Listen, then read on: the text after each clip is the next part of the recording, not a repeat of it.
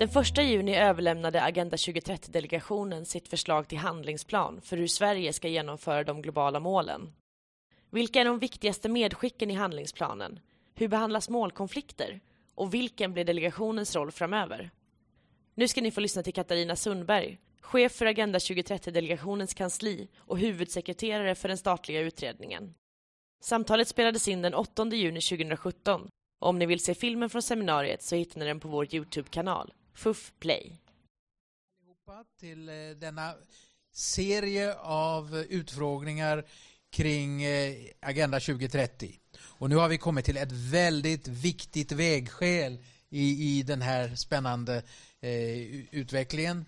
Vi har försökt alltså från FUF i en liten samlad grupp varje gång men som streamas eh, ut till betydligt flera personer i hela Sverige vill säga har vi försökt att följa hur man genomför det här i praktiken.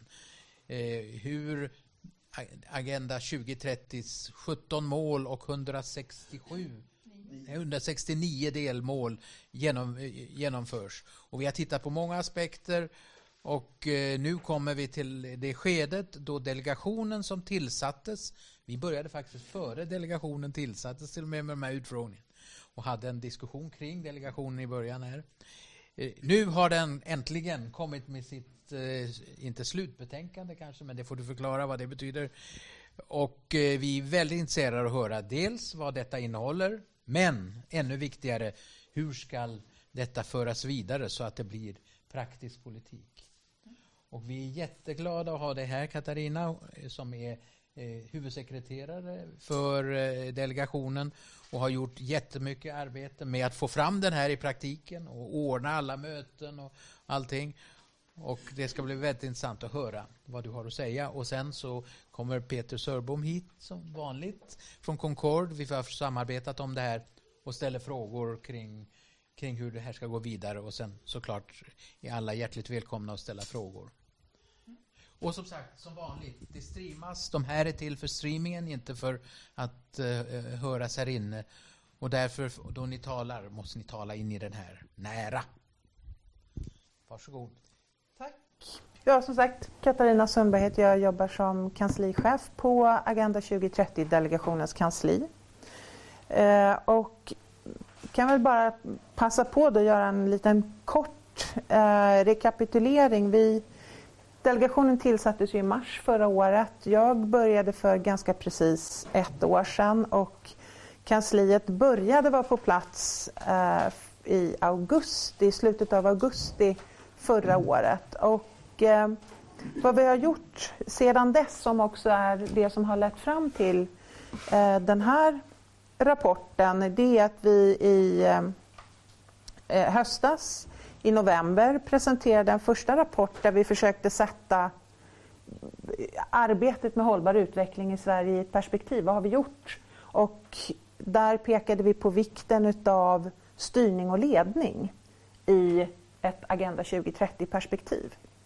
Eh, och eh, sedan i mars så lämnade vi, den lämnade vi till regeringen. Den innehöll inga åtgärdsförslag utan var en mer beskrivande del hur delegationen såg på sitt uppdrag och eh, arbetet framåt. I mars så lämnade vi eh, förslag på kommunikationsåtgärder. Eh, två kommunikationsåtgärder som vi föreslog att regeringen då ska eh, vidta och där vi pekade på dels en plattformslösning med information och kunskapsspridning för Agenda 2030 eftersom vi kunde konstatera på ett tidigt stadium att det behövs väldigt mycket kunskap och kunskapsspridning om det här. Så att då kallade vi det för att man behöver en folkbildningskampanj. Eh, så det gjorde vi i mars och sen så har vi ju arbetat framåt för att, leverera den här rapporten.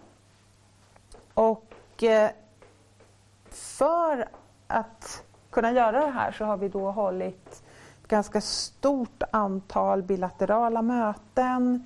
Eh, vi har haft kommundialoger, vi har träffat myndigheter, vi har också haft vad vi kallade för tvärsektoriella eh, möten där vi har bjudit in aktörer från alla olika eh, som civilsamhälle, näringsliv, myndigheter, akademi, kommuner, landsting Eh, och jag har säkert glömt någon, eh, för att prata om vad betyder eh, de, framförallt de 169 delmålen i en svensk kontext.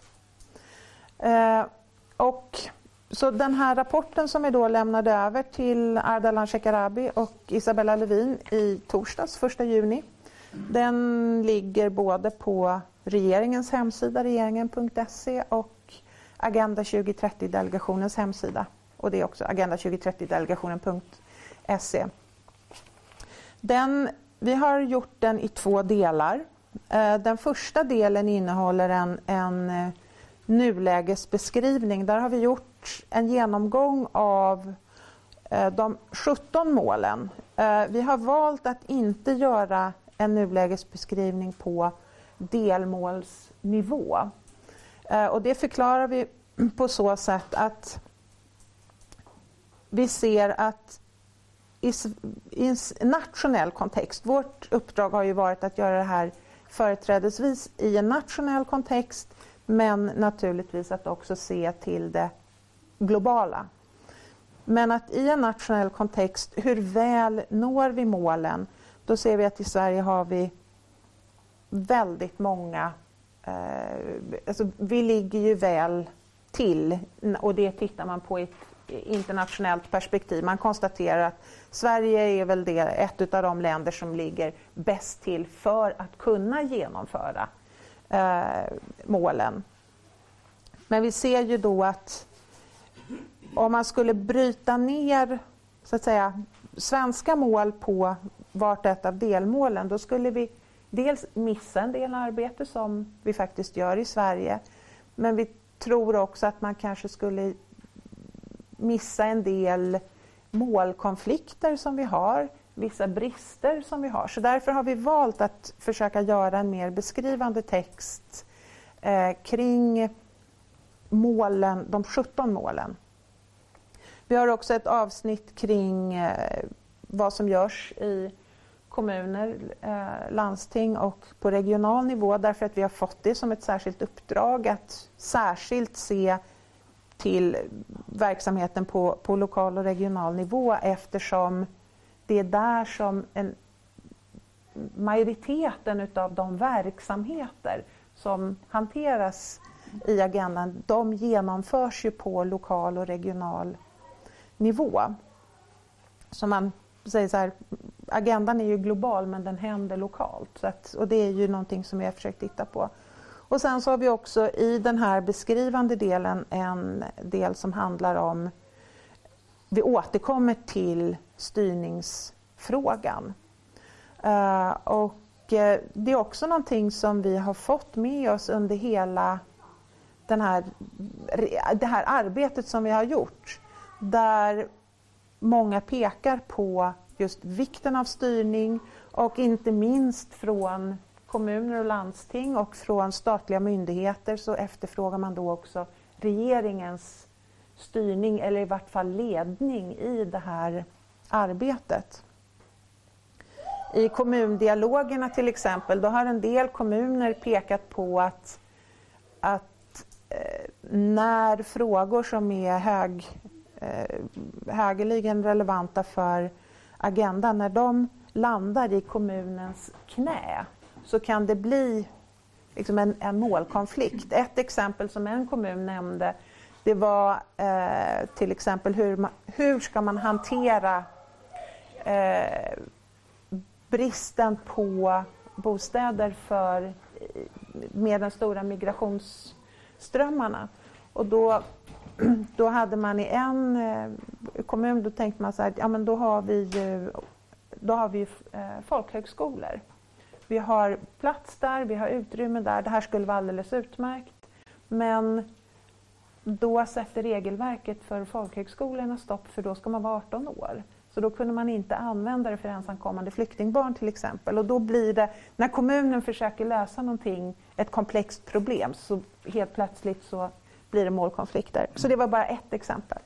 Men det är första delen. Sen i andra delen som vi då kallar mer, liksom, som är handlingsplanen. Då har vi eh, tagit fram sex områden som vi kallar för prioriterade områden för en hållbar välfärd.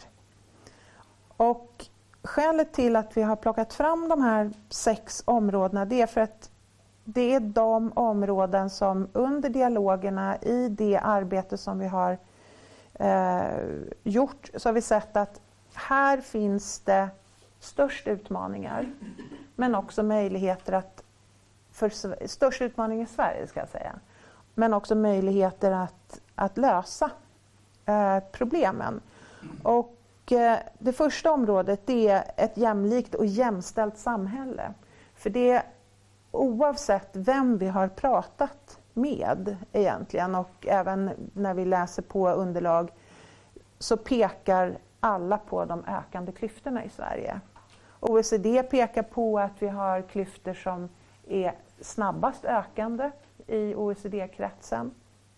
Så det här är ett, ett återkommande, en återkommande fråga. Så därför har vi sett att, att skapa ett jämlikt och ett jämställt samhälle, det är verkligen en, en, en utmaning. Eh, hållbara städer. Eh, vi har en, det hänger ihop med urbanisering, det hänger ihop med den demografiska utvecklingen. Vi vet också att konsumtionen, vi har ju naturligtvis Eh, en, vi har ju ett stort problem med hållbara konsumtionsmönster i Sverige. Det är i städerna som det är en enormt stor konsumtion. Eh, det är ett högt, eller man kan säga en överkonsumtion och det är ett högt tryck. Där ser vi att där har vi problem men vi ser också stora möjligheter till lösningar. Eh, en samhällsnyttig och cirkulär ekonomi. Vi ser ju att Ska vi få till en hållbar utveckling då behöver vi se till de tre dimensionerna. Eh, ekonomisk, miljömässig och social. Så ekonom, vi måste ju hantera ekonomin på något sätt. Eh, hur den ska kunna balansera de här dimensionerna. Eh, ett starkt näringsliv med hållbara affärsmodeller. Eh, näringslivet har ju eh, gjort oerhört mycket, gör mycket men där ser vi att det finns, det finns utmaningar men också möjliga lösningar. Eh, hållbara och hälsosamma livsmedel, ytterligare ett sådant prioriterat område som innehåller också målkonflikter och, och lösningar. Och sen så stärkt kunskap och innovation och just kunskapsfrågan återkommer hela tiden. Så det här är de sex prioriterade områdena som vi föreslår att regeringen ska prioritera sina åtgärder kring. Det här ser vi som sex viktiga områden där vi föreslår att regeringen ska ta till sig de här och jobba med åtgärdsförslag inom de här. Eh, sen så har vi ju då ett rent, vad ska man säga, eh, åtgärdskapitel och det riktar sig, vårt uppdrag har ju varit och är att vi ska lämna förslag på åtgärder som regeringen ska vidta och det vi ser här, det vi har försökt att eh, fokusera på, det är sådana saker som vi ser att regeringen kan göra omedelbart. Man kan sätta igång och göra det här för att förbättra eh, genomförandeprocessen. Och då har vi bland annat just tagit upp det här med parlamentarisk förankring. Vi ser att det behövs en parlamentarisk förankring för att eh, som säkerställa långsiktigheten. Eh, för att undvika det här mandatperiodsbundna. Så att vi förordar en, en, parlamentarisk förankring och i det här då säger vi också att den parlamentariska förankringen bör eh, gälla att översätta målen i nationell kontext. Och när vi då säger översätta målen, då menar vi att vi, ska, vi behöver slå fast vad är det att arbeta med Agenda 2030 i Sverige? Eh, därför att det har mappats eh, oerhört mycket och vi har som sagt väldigt många mål. Och, men fortfarande finns det en ganska... Man kan jobba med våra nationella mål men man kopplar inte riktigt till de 169 delmålen. Hur ska vi faktiskt ner och få in eh, agendans delmål i vår verksamhet? Hur ska vi tänka agenda i vår verksamhet? Så det är vad vi liksom menar med eh, att, att översätta i nationell kontext. Så det handlar inte om att skapa nya mål och, utan att det är att använda det vi har för att jobba vidare och för att naturligtvis då också förstärka det agendan förstärker med det integrerade Eh, och odelbara förhållningssättet. Sen så har vi en del eh, förslag som gäller hur man kan förstärka regeringens organisation. Eh, vi föreslår att man ska tillskapa ett eh, vetenskapligt råd som bör vara rådgivande till, till eh, eh regeringen och att man ska ha en starkare eh, man kan, man kan, kalla det för en samordningsfunktion men en, det har ju funnits samordningsfunktioner i regeringskansliet tidigare men nu föreslår vi att det bör vara en, en större funktion och den bör ligga närmare, alltså man bör koppla det mycket närmare till budgetprocessen. Eh, för vi tror att budgetprocessen är en sån nyckel, eh, nyckel för att man ska kunna få in det här arbetet integrerat.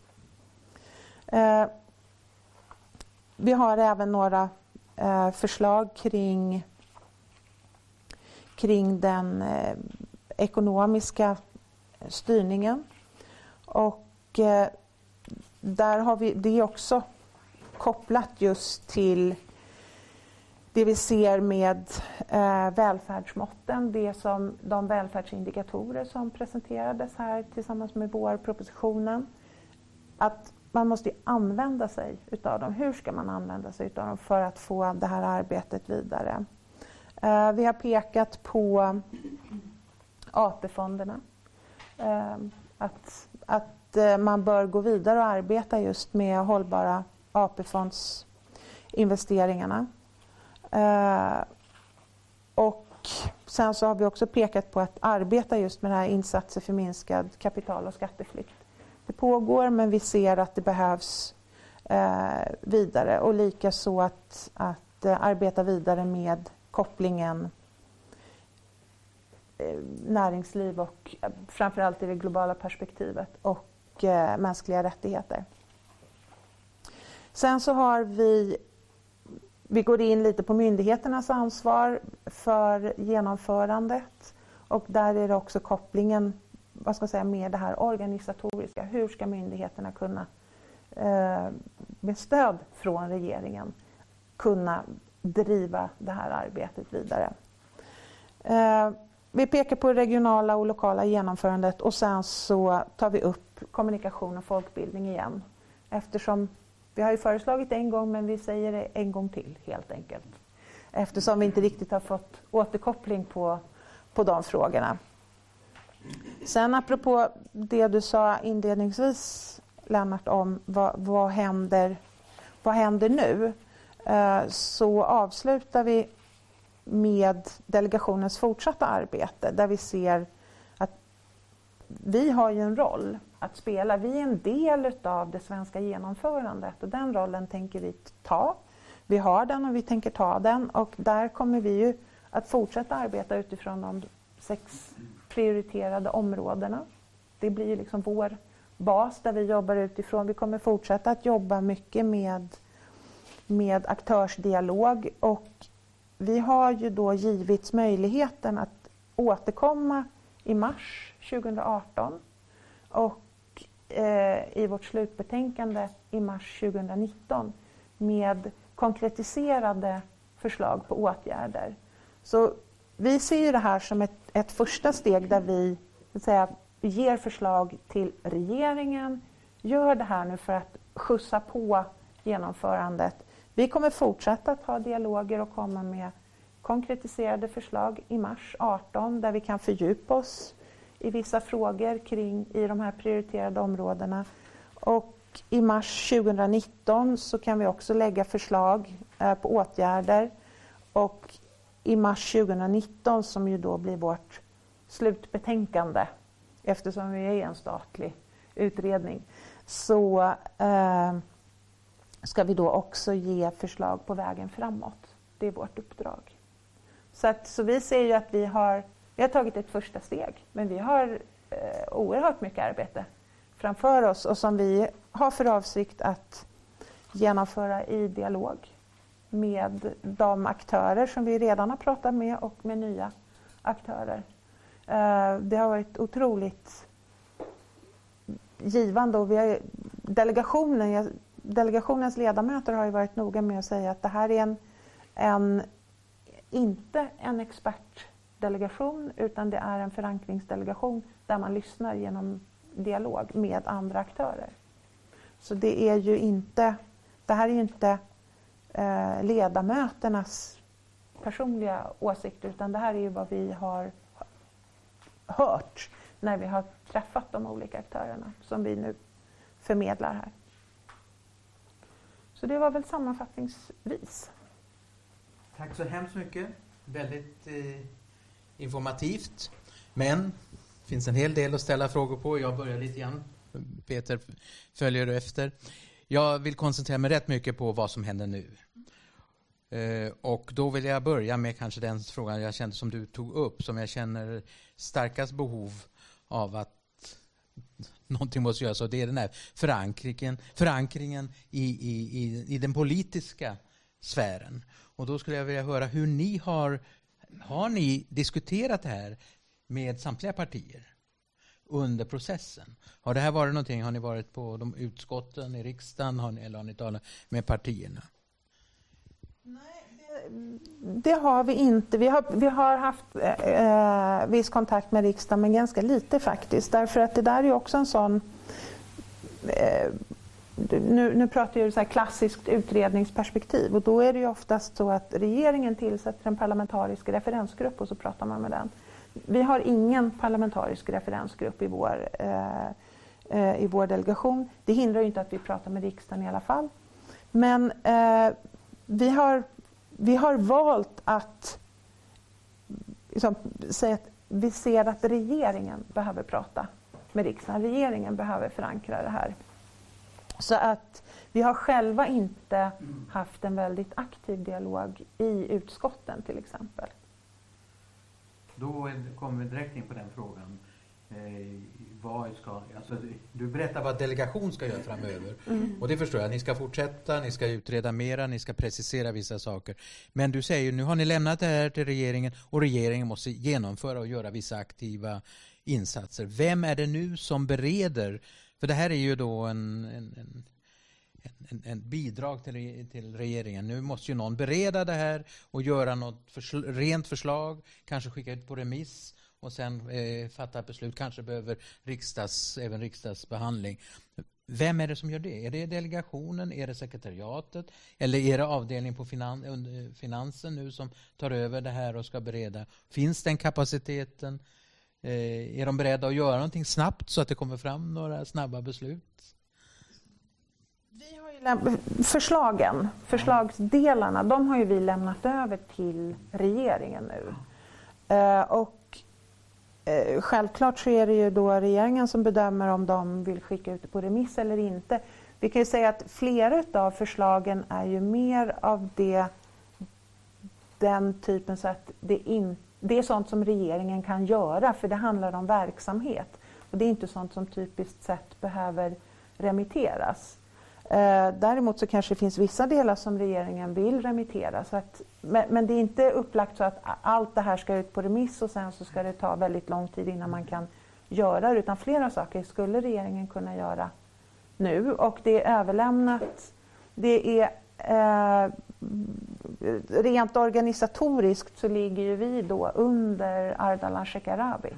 Så att det är ju Ardalan Shekarabis de på Finansdepartementet primärt. Men sen finns det ju, eh, har man ju organiserat det på tvärs över, över regeringskansliet. Men ytterst sett så är det ju vi som, har vi lämnat det till Ardalan så att det är, hans, det är inom hans ansvarsområde som det då ska förberedas. Så att de sakerna som inte behöver beredas vidare, de skulle kunna tas upp i regleringsbrevet i höst till exempel? Ja, till exempel. Eh, och, och det som handlar om att, att eh, organisera en, eh, vad ska man säga, om vi kallar det för ett sekretariat eller ett kansli, det är ju en ren organisatorisk fråga inom regeringskansliet som man kan göra när som helst. Det är en, det är en omorganisationsfråga. Så det kan man ju göra hur man vill. Och likaså tillsätta ett vetenskapligt råd som det finns ju ett, ett, vetenskapligt råd för hållbar utveckling som ligger under Miljödepartementet som har ganska eh, små personella resurser där vi ser att antingen så det kan man ju då ge större kapacitet eller så startar man ett, ett nytt. Men det är också någonting som så att säga, regeringen kan göra omedelbart om man vill. Okej, rent konkret. Vem ska vi ta hit nästa gång för att eh, fråga hur de genomför då de olika förslagen som ni... Antingen Ardalan Shekarabi eller Alejandro Firpo som är ansvarig statssekreterare. Och under dem, vem är det där? Är det... Det finns ett sekretariat där? Finns det? Ja, det, det, är ju eh, enheten för statlig förvaltning som har ansvaret för den här frågan. Och sen så finns det ju något som eh, heter IDA-grupp. Det är en interdepartemental arbetsgrupp och i den sitter utrike, eh, eh UD eh, och Miljödepartementet och Näringsdepartementet bland annat. Och sen så har man ett, också ett bredare tvärsektoriellt. Men det började ju, nu blir jag lite så här, det började en gång. Nej men det var ju när delegationen tillsattes, då hade man ju en grupp som bestod utav ministrarna Eh, Kristina eh, Persson, Åsa Romson, Ardalan Shekarabi och Isabella Lövin. Och sen så hände det ju lite saker. Så att, men nu är det eh, de det är fortfarande Finansdepartementet som är liksom huvudansvaret för det nationella och Isabella Lövin för det globala. Okej, okay, jag är säker vi kommer tillbaka mer till de här men det är en konkret fråga till. Du har, varit, du har sagt det flera gånger men du har inte varit konkret och det är för mig en väldigt central fråga. Det är hur den här kommunikationen nu ska utarbetas. Vem ska ansvara för det? Hur ska det gå till? Finns det bara de här generella förslagen än så, så länge? Har man börjat att bereda ert mars Eh, er marsförslag? Och vem i så fall är ansvarig för det? Ja, det alltså, vi har ju lämnat det ja. till eh, Ardalan, eller till regeringen och, och det är ju ja. ytterst då Ardalan som har det ansvaret i, i regeringen. Så att, och vi har ju ställt frågan om hur man tänker göra men vi har inte riktigt fått något svar. Så därför just kring kommunikationsdelarna så valde vi att stoppa in det igen i handlingsplanen. För att eh, det är någonting som har understrukits från lokal, civilsamhälle, statliga myndigheter, också inom regeringskansliet. Man efterfrågar, det behövs mer kunskap, man behöver få veta mer för att verkligen kunna arbeta med det här. Men ert förslag är då i princip att ni måste göra det här? Vi har ju sagt att vi kan göra det, men vi måste ha lite resurser för det. Jaha, ni har sagt nu att ni kan göra det? Ja, det sa vi redan i mars också. Att, men, men, men inte, vi behöver resurser för det. Men det här har inte berättats vidare sen ni lämnade ert förslag? De, vi har inte fått någon återkoppling. Sen om det bereds eller inte, det kan jag inte svara på. Okej. Okay. Ja, jag ska ta vid och, och, och, som Lennart så är jag ju väldigt intresserad av just hur det här ska tas om hand. För det finns ju i rapporten väldigt bra och spännande förslag både kring sakpolitik men också som du säger kring styrning och stärkt kapacitet för att utvärdera.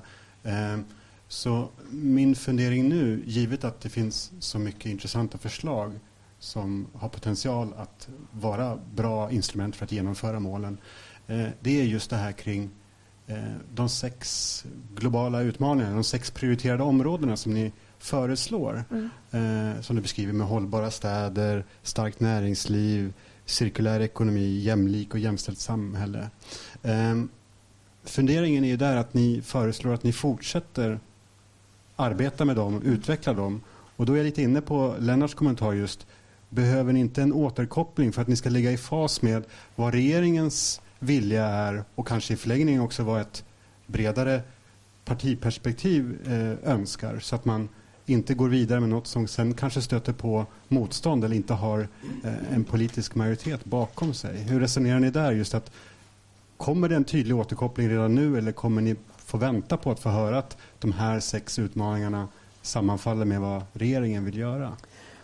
Just de här sex prioriterade områdena som vi kallar det för, då, där ser vi att där, de har vi ju de är ju efter att ha lyssnat in och sen så kan vi i och för sig se att utifrån eh, bland annat områden som, som regeringen själv lyfter i den kommande rapportering som man ska göra till högnivåmötet i, i New York i, i juli så ligger det ju det, det är ju inte helt diametralt olika.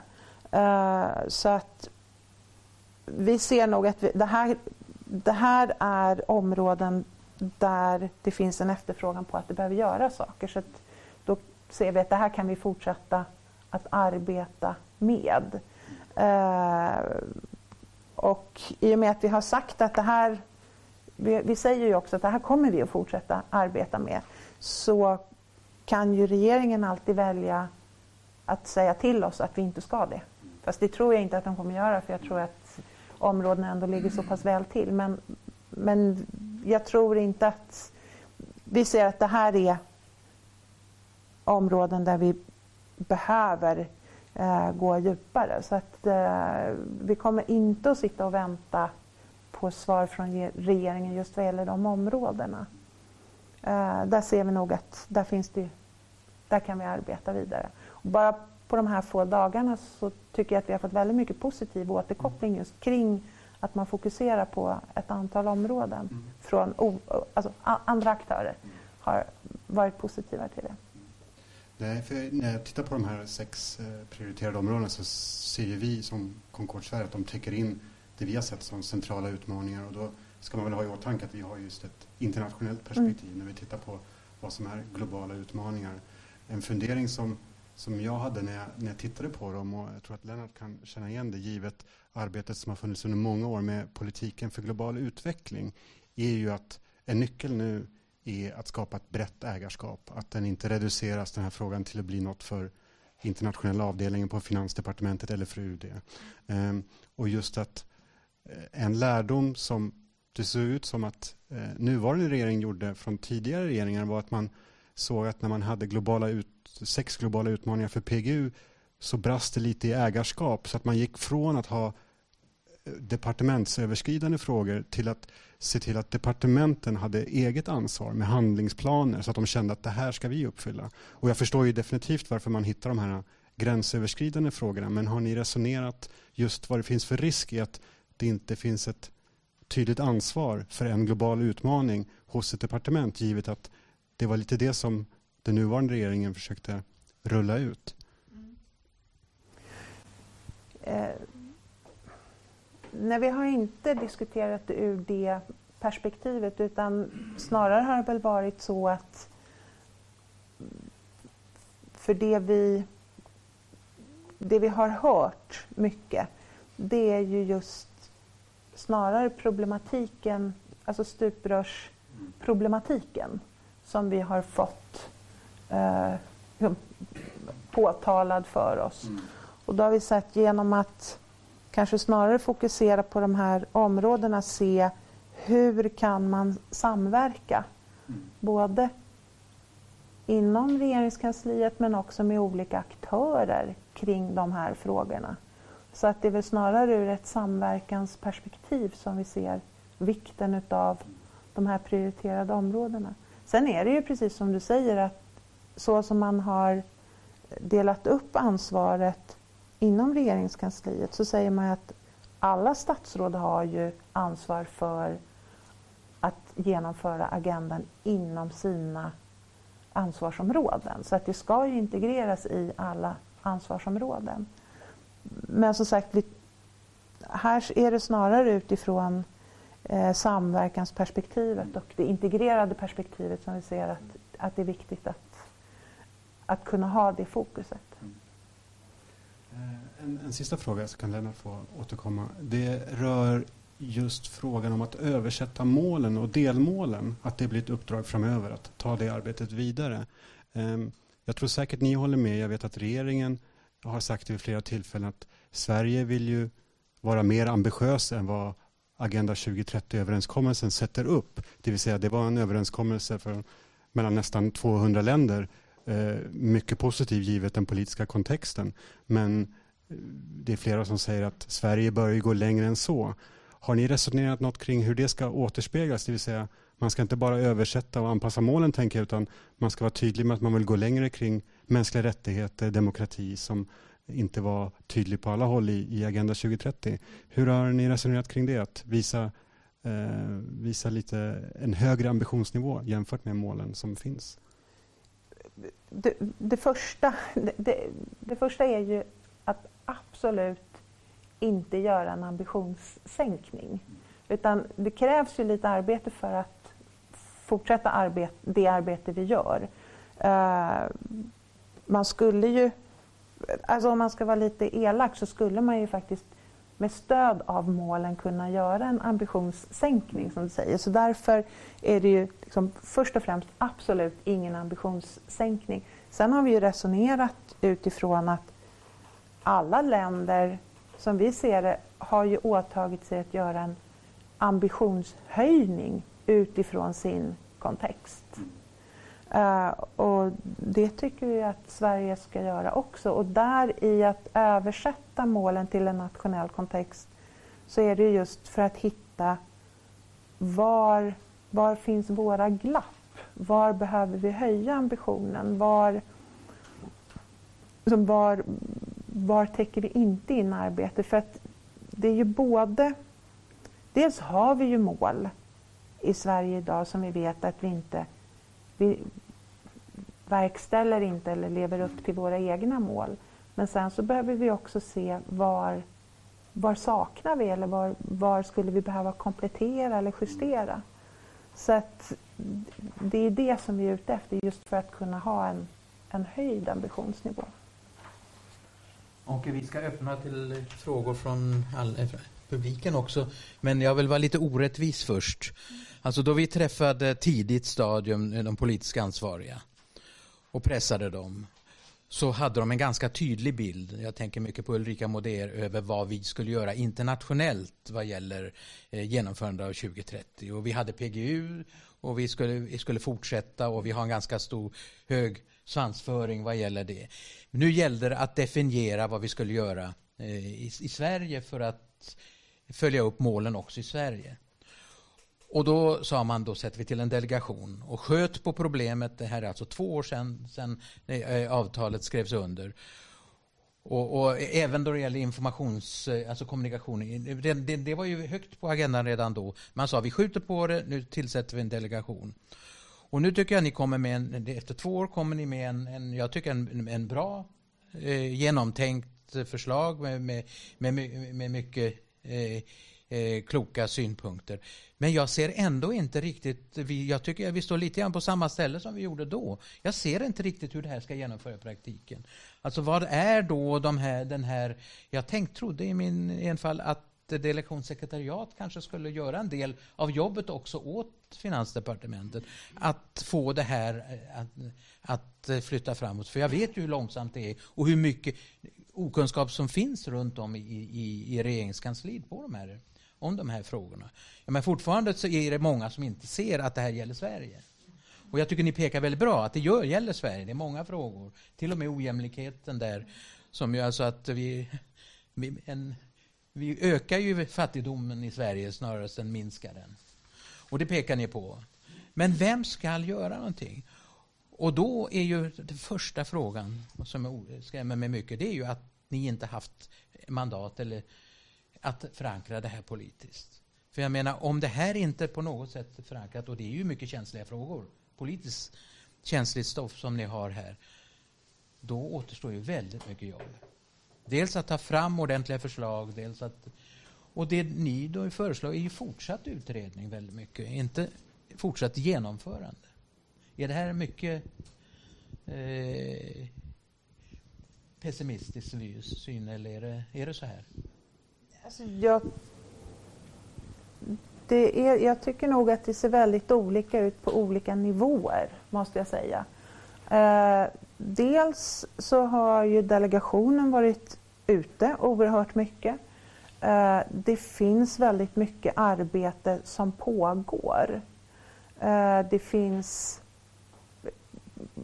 lokalt, regionalt finns det mycket arbete, det finns i näringslivet och framförallt så handlar det väl väldigt mycket om att, att inte sitta och vänta utan att göra. Och det kan alla göra inom, inom sin ram så att säga, eh, eller inom sin verksamhet. Det vi ser däremot som är, alltså som vi, som vi har hört har varit efterfrågat, det är ju just det här eh, också, vad är den nationella strategin? Vad är, vart ska vi? Vart är vi på väg? Och där försöker vi med de här prioriterade områdena och att ha den här framåtblicken, att, att få den förankringen. Eh, och vårt, det arbete som vi kommer att fortsätta att göra är ju just för att genomföra. Sen så kan man säga att vi, vi är ett kansli på sex personer och regeringskansliet är ett kansli på 3000 personer. Så att, att sex personer ska kunna tala om exakt i vad de olika politikområdena ska göra, det kanske inte riktigt är en, en eh, rättvis dimensionering. Men vi har ju gjort vad vi kan för att försöka peka på det här behöver ni liksom köra igång med. Och, eh, och, och som sagt, kunskapsspridningen är ju någonting som vi verkligen betonar eh, och försöker att göra eh, och vill göra mer utav. Ordet är fritt. Har ni frågor?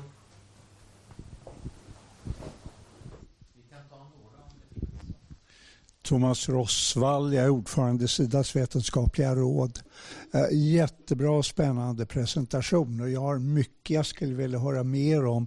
Lennart och Petra har tagit upp ett antal områden men, men något som förvånade mig och, och du kompletterar lite senare är att ni föreslår att det ska bli ett vetenskapligt råd för hållbar utveckling och sen några minuter senare säger ja vi har ju visserligen ett som sitter på miljö.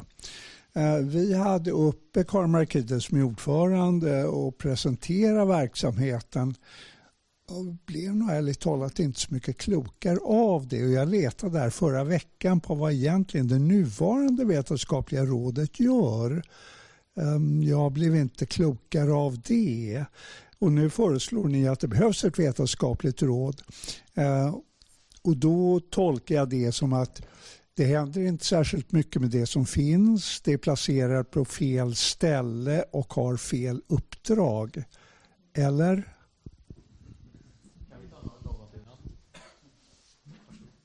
Mm. Uno Svedin, eh, Stockholms universitet, Resilience Center. Ehm, eh, jag delar eh, Thomas uppfattning om att det är en väldigt bra föredragning och intressanta frågor. Ehm, men jag skulle vilja gräva i de svårare frågorna, inte i den här additiv, additiva listan över så gör man den och så gör man den och så gör man dem, utan i alla de spänningsfält av problem. Eh, det brukar man skyffla under mattan därför att det är inte så trevligt att ta upp dem. Eh, men det är ju där som ska vi säga, innovationerna måste sitta. Och då har vi ju dels spänningsfält mellan de 17 och då ska vi inte tala om de 169 och eh, eh, den vänliga eh, hållningen till de 17, jag gillar de 17 så det är inte det, men de säger ju olika saker.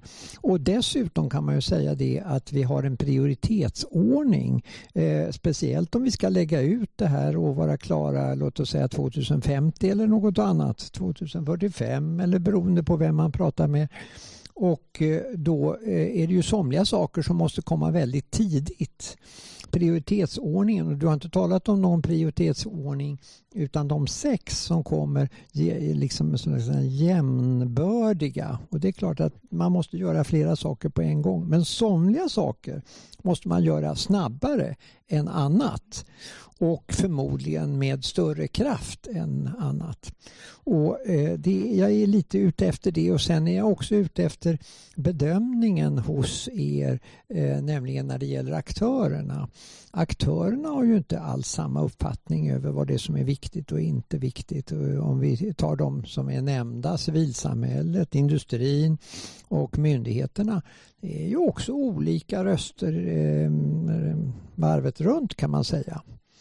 Speciellt om det är, och jag tror att du nämnde det här att det här är en stor omsättning och dessutom som man skrapar lite på ytan så får man ju politiska motsättningar och så fort som man går in på det då blir det ju viktigt. Vad är det för någonting som implicit i det som sägs?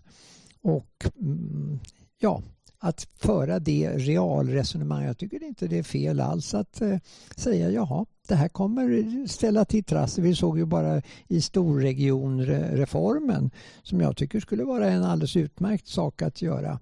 Men eh, den visade sig, den föll ihop redan innan den, ens, eh, den ballongen gick upp.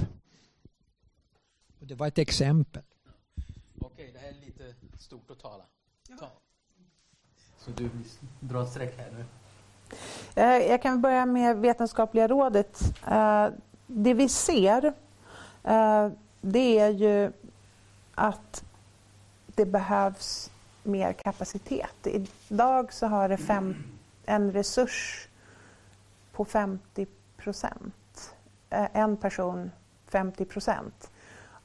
Och ska man ha hela det är inget fel på den personen, det är en person jag har jobbat med så att det är en alldeles utmärkt person. Uh, så, men, men just resursmässigt, och det är ju framförallt det som vi föreslår här, att man behöver biffa upp det här. Det behövs, starka, det behövs ett kansli som kan hantera det här och man behöver resurssätta så alltså man kan få in eh, kunskap. Så, att, så därför, det är därför som vi inte har eh, liksom sagt att det är nuvarande vetenskapliga rådet är bra eller dåligt.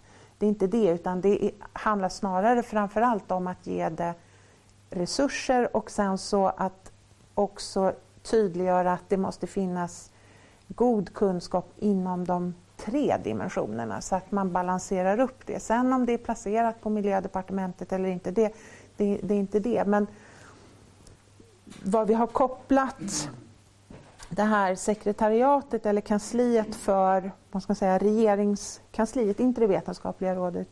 Där har vi, ju, som jag nämnde tidigare, just att man ligger närmare eh, budgetprocessen, att man ligger närmare hur, om det ska integreras då måste man liksom nå kärnan. Eh, och vad gäller det vetenskapliga rådet, där har vi bland annat tittat på Tyskland och Finland där vi ser att det har funnits ett sånt under ganska lång tid. Finland har väl haft det sedan början av 90-talet där man har kunnat kanske lite grann det som du var inne på Uno, just den här bryta de här eh, som eh, man hamnar i målkonflikter och eh, även de politiska konflikterna att också få det vetenskapligt belyst. Eh, det finns en förra, I slutet av, av förra året då var det en eh, OECD-konferens i Stockholm eh, som var Center of Governance-perspektivet eh, på eh, agendan. Och i, den, i det underlaget som kom i samband med den eh, konferensen så hade man ställt frågan till regeringarna då vad, vad är eller till länderna, vad, vad är agendans styrka? Och det är just dess horisontalitet och att det är integrerade och odelbara mål. Det var liksom, stod ut som den stora styrkan med agendan. Och sen i nästa tabell, då är det vad är den största utmaningen? Det är agendans eh, integrerade mål och odelbarhet. Så att man brottas ju med det här Eh, och då tror vi att, att lägga till en, också en, en eh, vad ska jag säga, vetenskaplig eh, grund också är det, vi tror att det är ett positivt tillägg. Ja, det var väldigt stora frågor. Det vi har försökt med det är ju eh, i de olika, under de olika målen, där har vi ju lyft framförallt försökt att lyfta upp just det som vi ser är utmaningarna och att inte ducka för målkonflikterna. Eh, det vi också har skrivit, eh, just nu så kommer jag inte ihåg riktigt var, men där vi också har poängterat det här vikten av att faktiskt vara transparent i sina prioriteringar. För det handlar ju om, det är ju extremt politiskt. Eh, och då måste, då, just det här att när man fattar beslut så behöver man ju också då vara hur har vi prioriterat här? Vilka prioriteringar har vi gjort? För det är ju ett sätt att signalera till omvärlden. Nu har vi valt den här vägen. Och just i, i målkonflikter så är ju det oerhört, eh, oerhört viktigt. Sen så också lite grann den här kopplingen till som vi pratade om att översätta i en nationell kontext. Där ser vi ju, som du var inne på Peter tidigare, att eh, till exempel eh, hbtq-frågorna som ju inte finns överhuvudtaget i agendan. Man kan tolka in dem i deklarationen utifrån ett svenskt perspektiv. Man kan lika gärna låtsas som att de inte finns. Men det är typiskt en sån fråga som Sverige måste ha både på agendan nationellt men också driva globalt. Mm. Som ett exempel på just där det inte finns i agendan men där vi måste fortsätta driva de frågorna. Så att det är ju också just vikten av att liksom lyfta in den här nationella kontexten. Får jag ta tillfället i akt och fråga dig Peter, nu då vi hör att att delegationen för andra gången presenterar förslag om hur man ska föra ut kunskaper kring det här och samtidigt säga att andra ska agera. Vad gör nu civila samhället? Vad gör Concord för att föra ut budskapet kring Agenda 2030 och det här arbetet som görs? Har ni någon agenda för det?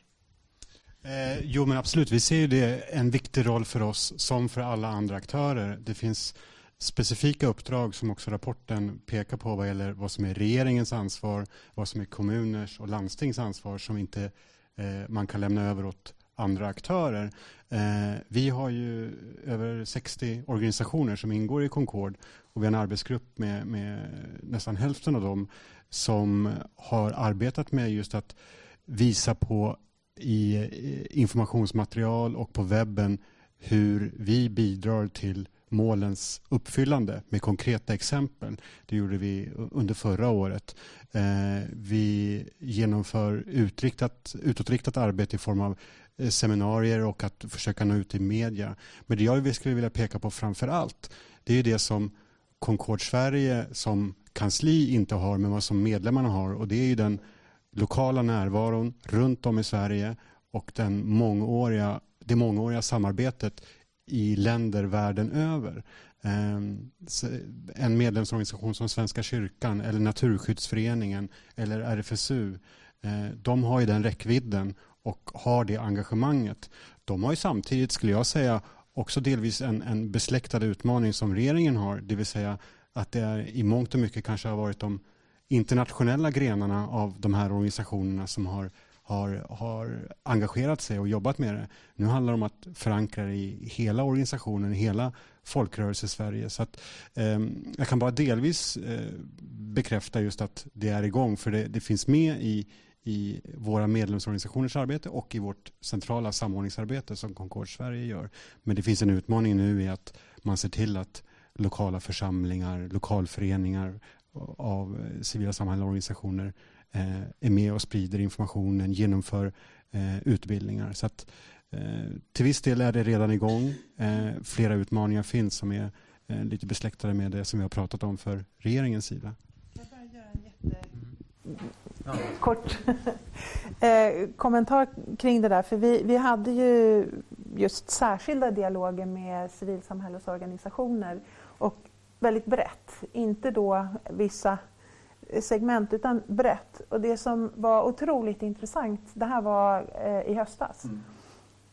det var ju att organisationer som kanske arbetar väldigt lokalt eller eh, ja, nationellt baserat med eh, typiska sociala frågor till exempel har jobbat eh, ja, olika sociala frågor eller eh, regionala frågor som när vi började samtalet, vi gjorde en sån kort runda runt bordet, då var det företrädesvis eh, de organisationer som jobbar med globala frågor. De sa jo men vi jobbar med Agenda 2030 eh, och vi har gjort det här och det här.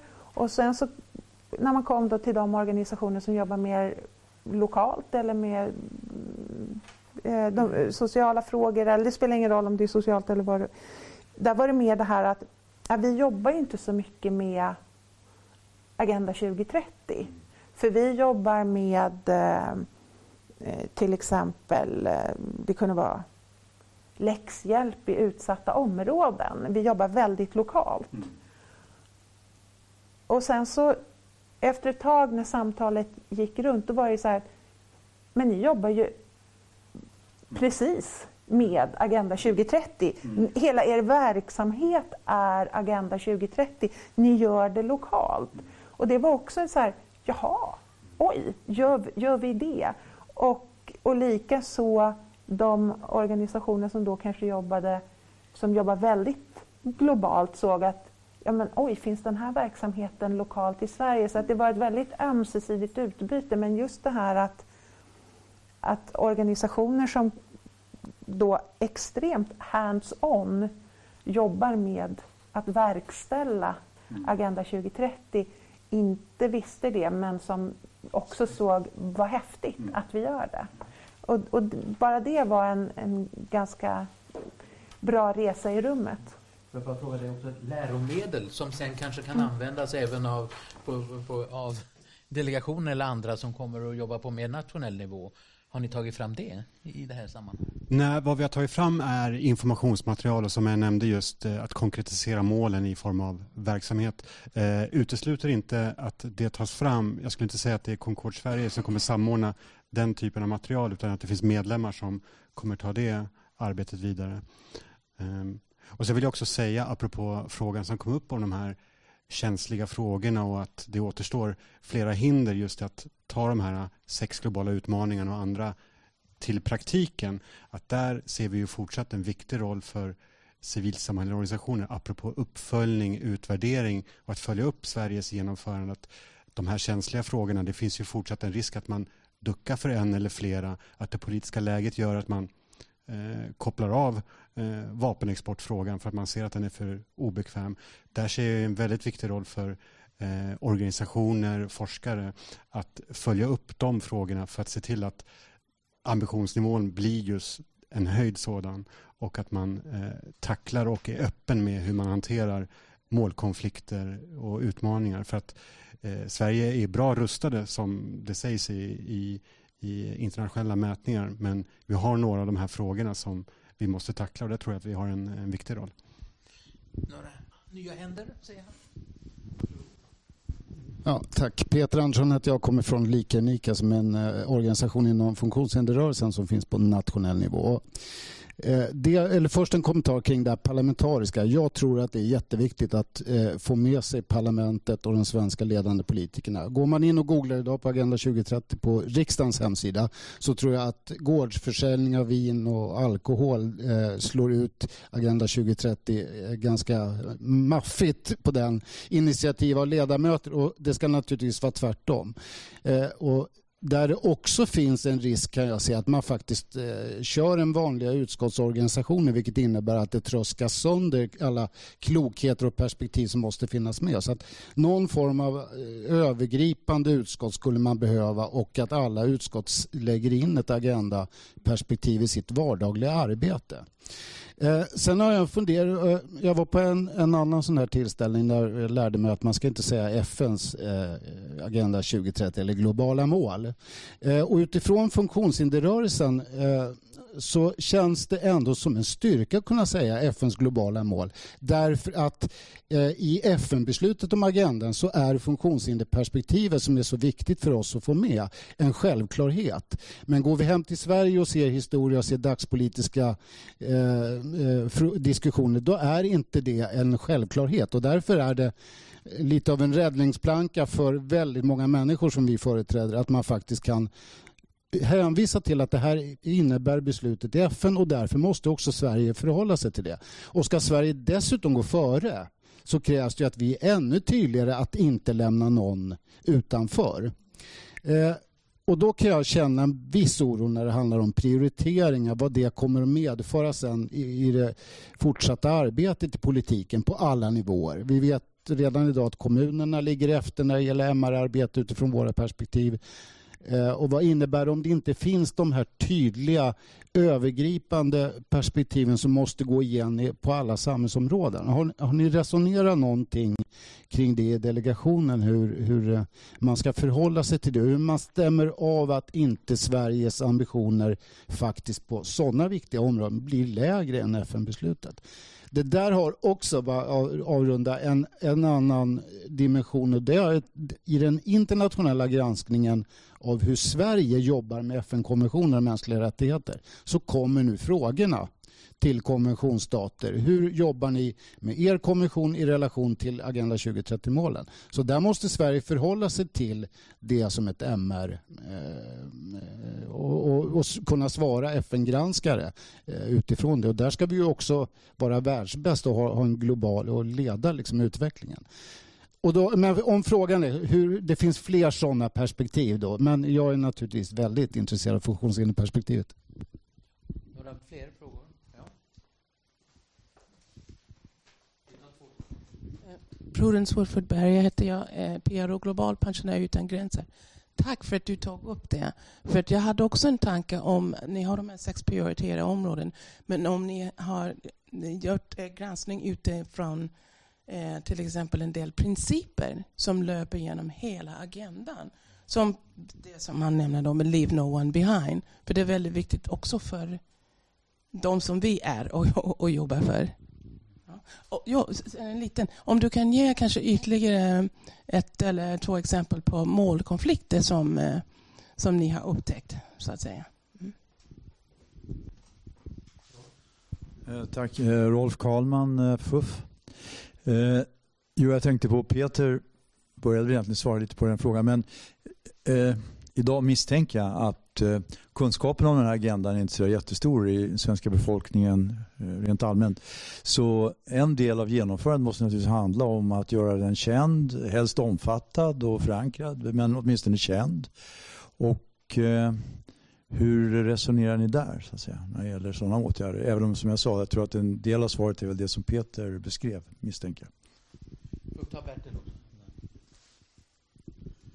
eh, Bertil Odén heter jag.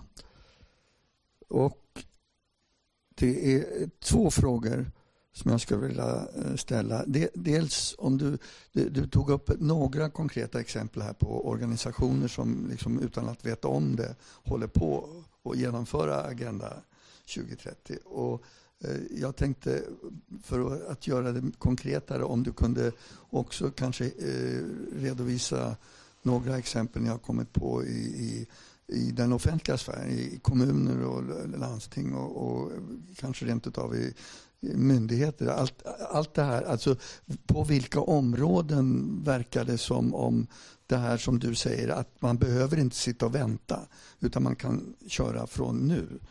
Eh, några, om du kan konkretisera det. Det andra det är och har med den här politiska förankringen som jag också tror är, är utomordentligt eh, viktig.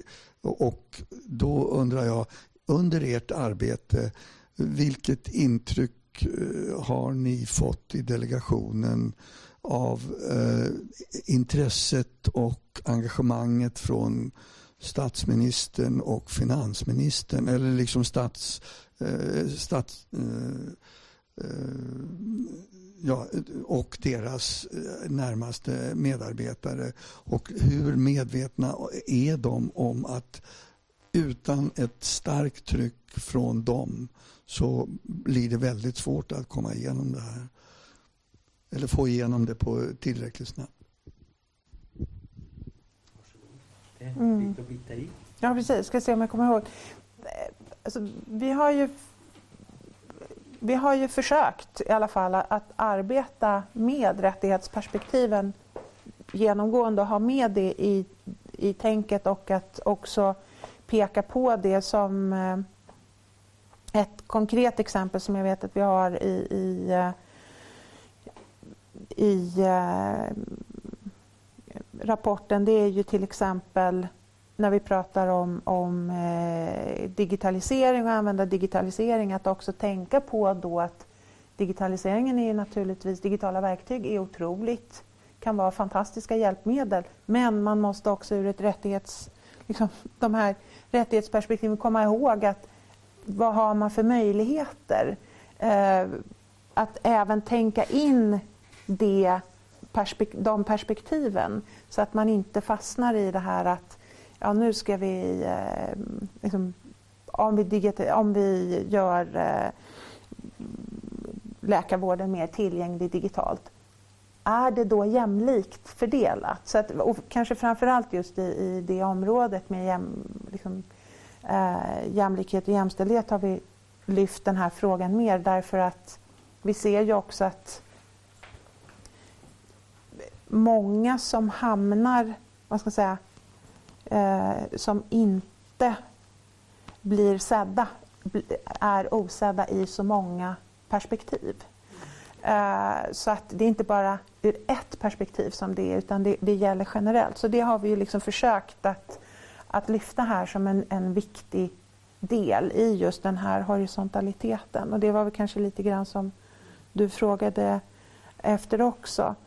Eh, när det gäller målkonflikter så eh, vi var ju på, Peter nämnde eh, just eh, vapenexport är ju ett sånt klassiskt naturligtvis.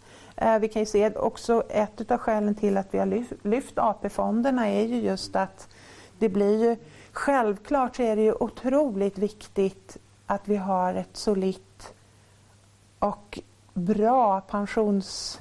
Alltså att, att våra pensionspengar eh, fonderas väl. Det är, ju, det är ju också en del av agendan att vi ska ha den säkerheten. Men där har du ju just den här eh, målkonflikten, för att lyfta två exempel. Eh, när det gäller kunskapen, då har vi ett konkret exempel just eh, kring eh, Eh, förskola, grundskola och gymnasieskola. Att öka kunskapen, utbildningen för hållbar utveckling. Och att även då inkludera eh, alltså lärare men även kring, kring personal i skolan. Hur, för där ser vi att skolan är naturligtvis en sån oerhört viktig eh, del. Så där har vi ett förslag att, att man ganska snabbt bör se över hur ser den här utbildningen ut egentligen? Vad får eh, skolelever för eh, kunskap idag. Eh, samtidigt ser vi att det finns ju en mängd olika som civilsamhället, folkbildning, olika delar. Men som sagt, vi har ett konkret förslag kring eh, utbildning. Eh, nu ska vi se, vad var det mer för politiska förankringen? Just det. Ja, alltså vi, man kan säga så här att i och med att vi, vi eh, betonar vikten av styrning och ledning så ser vi att vi, det, det, kan nog bli tydligare. Det finns ju ett starkt engagemang. Eh, det finns ju... Regeringen har ju tagit på sig en, en, en eh, liksom, stor kappa i det här och man jobbar med de här frågorna. men samtidigt så ser vi att det skulle nog behövas en en, kanske en eh, tydligare riktning, en tydligare strategi. Um, men som sagt, att, att det finns ett engagemang, det gör det ju. Eh, så det, det, det ska jag absolut inte säga någonting om. Men att det kan ju alltid bli bättre. Så att... Eh, Hur tar det sig uttryck? I form av att just den här svåra saken att förankra det här då är bredare parlamentariskt och, som du var inne på i, i början här.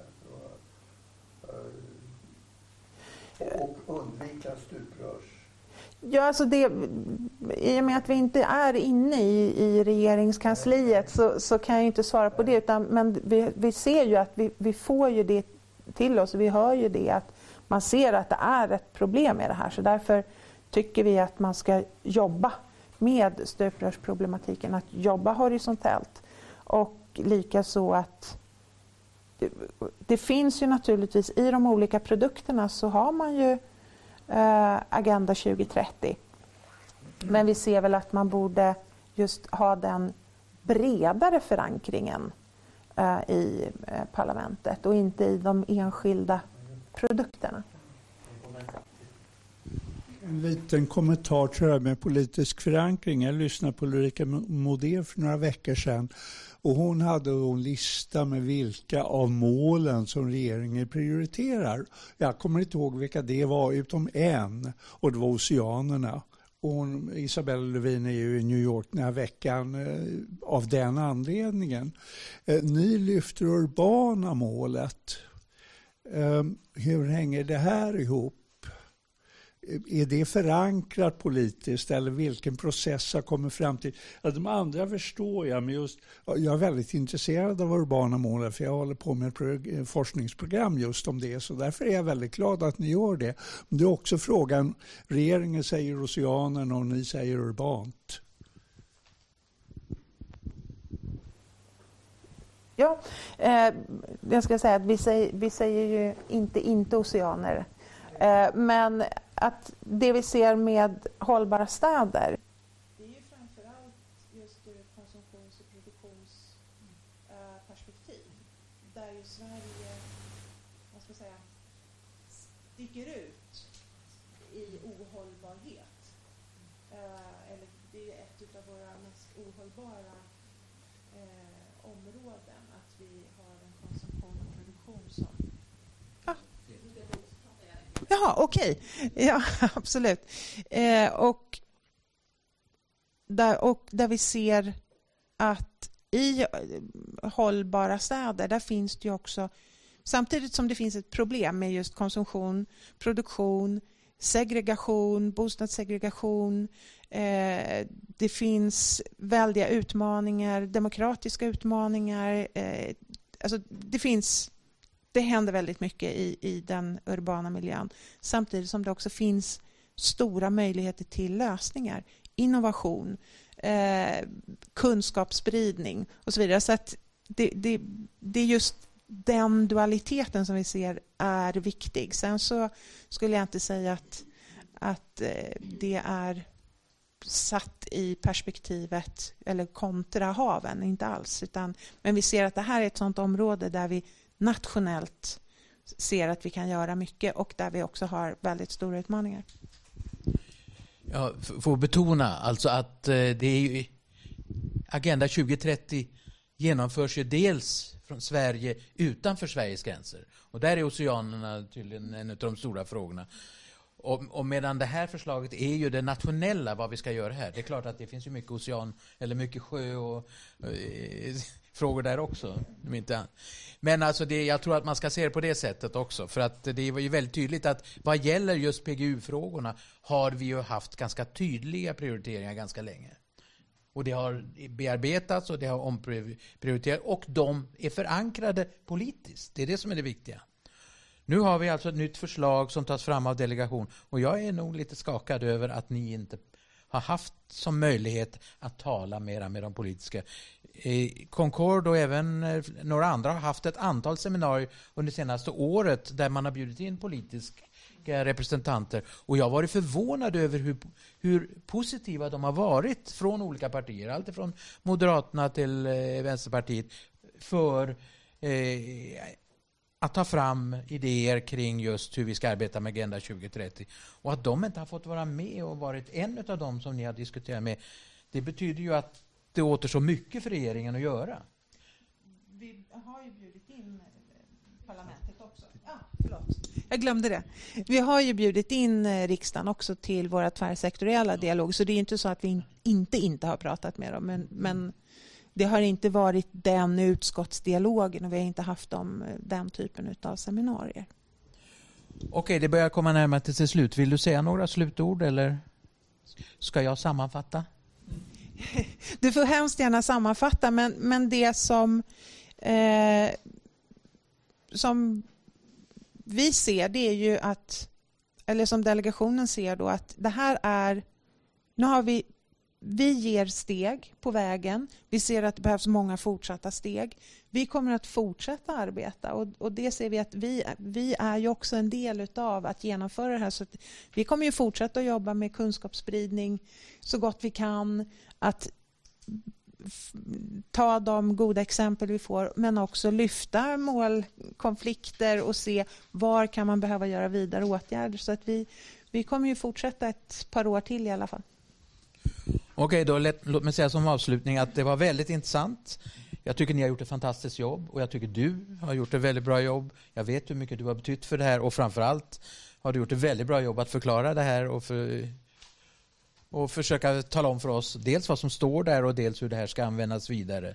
Du har också gett en bild över hur det här ska hanteras framöver som lite, lite skrämmande och vi, jag ska göra mitt yttersta att under sommaren identifiera och gärna med din hjälp de vi ska fortsätta att pressa på så att vi ser eh, fortsatt genomförande av, av det här. Och eh, som sagt, det är både vad gäller så att säga den förankringen, politiska förankringen men kanske ännu mera förankringen i Sverige runt om. Och där är det ju väldigt viktigt att det kommer till konkreta kon konkreta planer, att de översätts nu till, till praktiska genomföranden. Alltså hur ska vi föra ut kunskapen av detta? Hur ska vi få med alla? Och det, du har rätt, vi har hört, vi har faktiskt haft tidigare här eh, representanter från myndigheter som har berättat om vad de gör. Och det är väldigt intressant vad just de finansiella organisationerna gör eh, Eh, där de nu tittar på gröna, eh, alltså pengar, använda pengar mera grönt och mera fredligt som du säger. Så att det finns aktiviteter som är på gång. Och det gäller alltså att de som inte är med på båten, och det är många. Jag har själv vittnesmål från universiteten där de sitter och väntar på att få reda på vad, de, vad deras roll ska vara i det här. Alltså, så jag tror det är väldigt viktigt att gå ut nu och säga nu, är det, nu ska ni gå vidare och förklara det här. Och det här är då underlaget kanske för hur ni ska arbeta. Men hjärtligt tack för en väldigt bra presentation och tack för att ni kom trots väder och sommar och allting. Men även om det kommer att bli mycket sol så ska vi ändå ligga på och pressa på, eller hur? Tack så hemskt mycket.